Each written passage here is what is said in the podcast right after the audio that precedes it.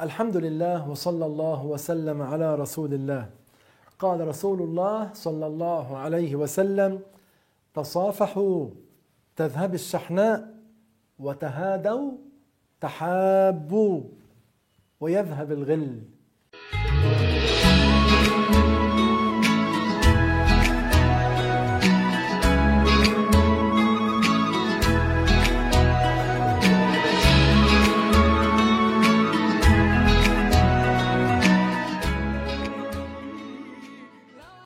كان سيدنا محمد صلى الله عليه وسلم.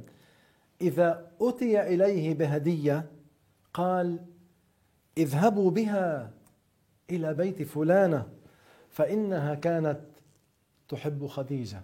عليك الصلاة والسلام يا سيدي يا رسول الله. وقد أوصى شيخنا طلابه ومريديه فقال أوصيكم بالتحاب والتواد.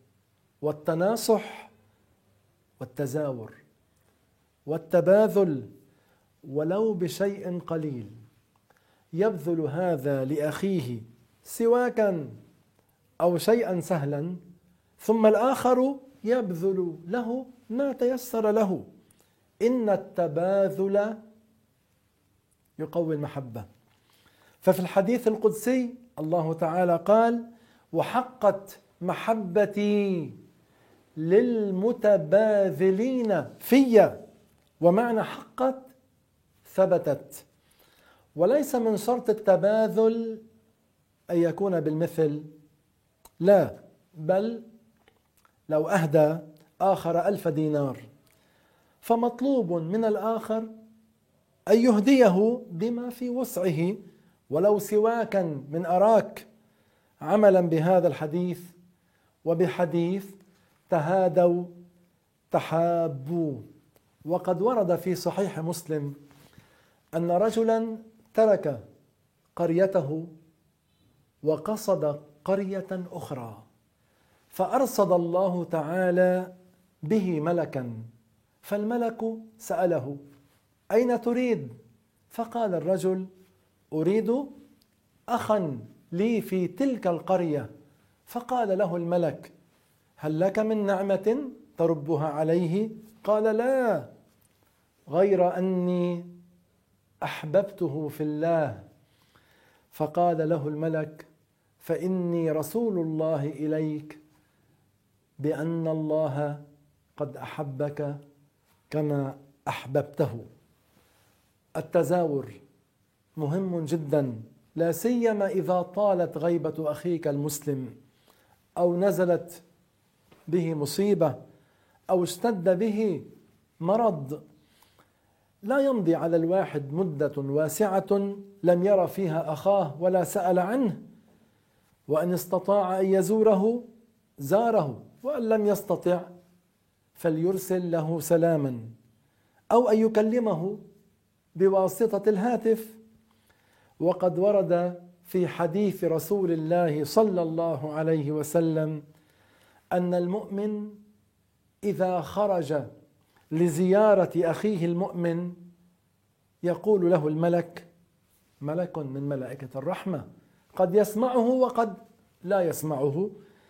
طبت وطاب ممشاك وبوأك الله نزلا في الجنة.